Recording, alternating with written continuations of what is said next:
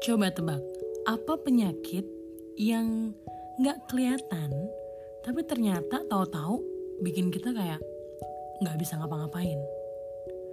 Coba, aku hitung mundur ya.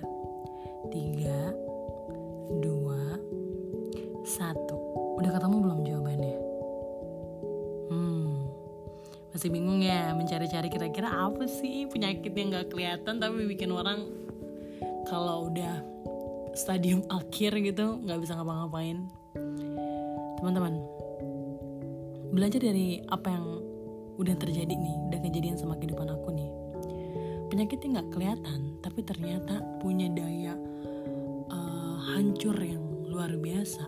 Itu adalah luka luka jiwa di masa lalu.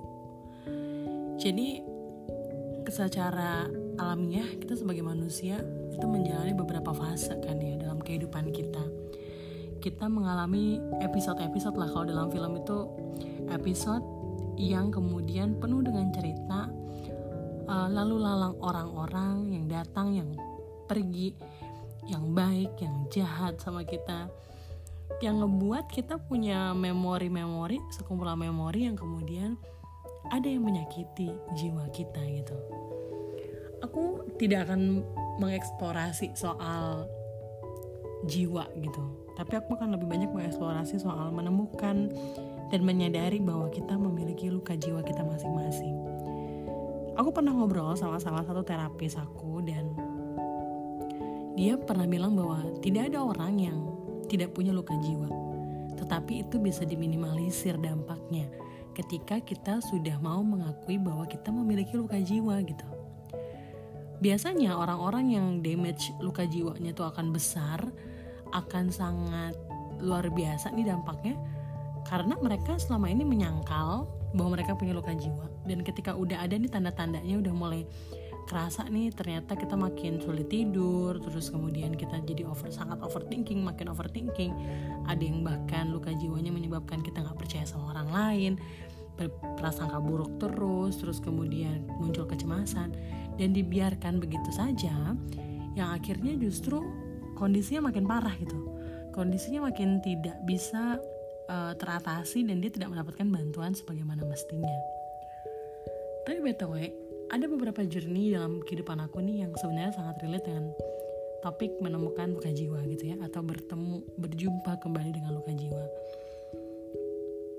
di usia aku masih sangat kecil ketika aku SD ya.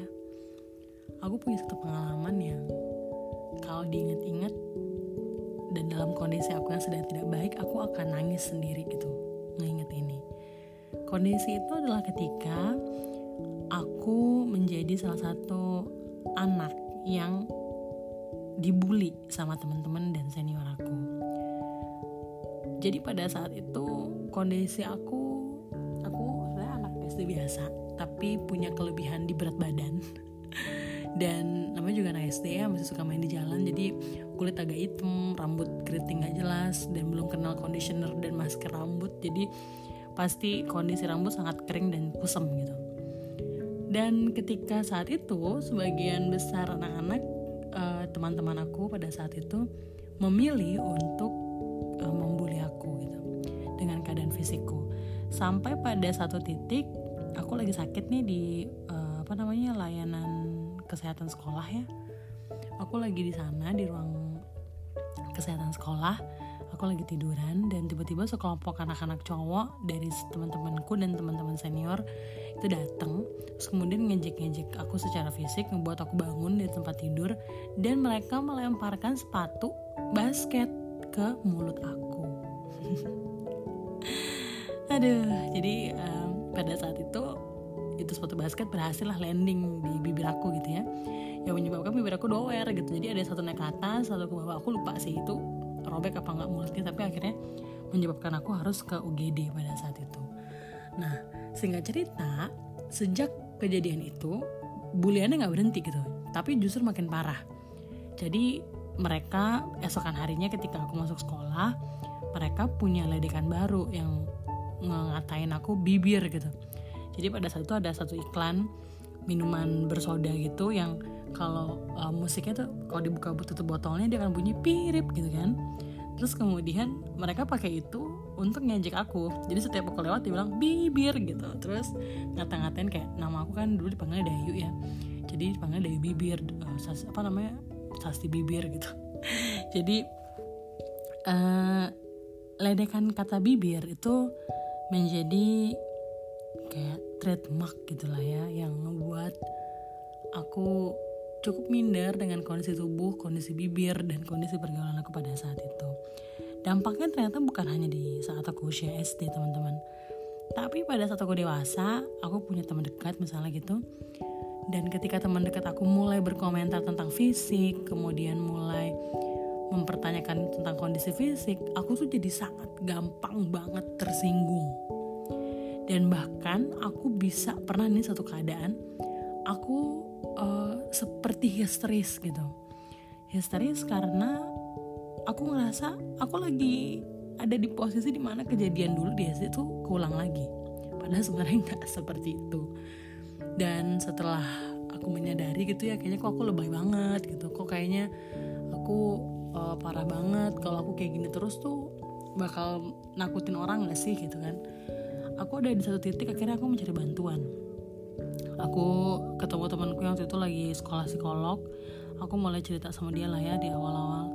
Aku cerita tentang kondisiku yang mulai nggak nyaman sama uh, pikiranku sendiri dan perbuatan orang lain terhadap diriku. Dan waktu itu dia cuma bilang gini coba kamu inget-ingat kejadian apa dalam diri kamu yang kemudian ngebuat kamu jadi punya rasa sakit itu gitu? Ketika kamu bertemu dengan uh, kritikan tentang fisik uh, komentar tentang fisik ke diri kamu. Terus kemudian aku ngambil beberapa saat lah beberapa waktu gitu untuk ngomong sama diriku sendiri sambil bertanya sas apa sih yang kejadian? Gitu.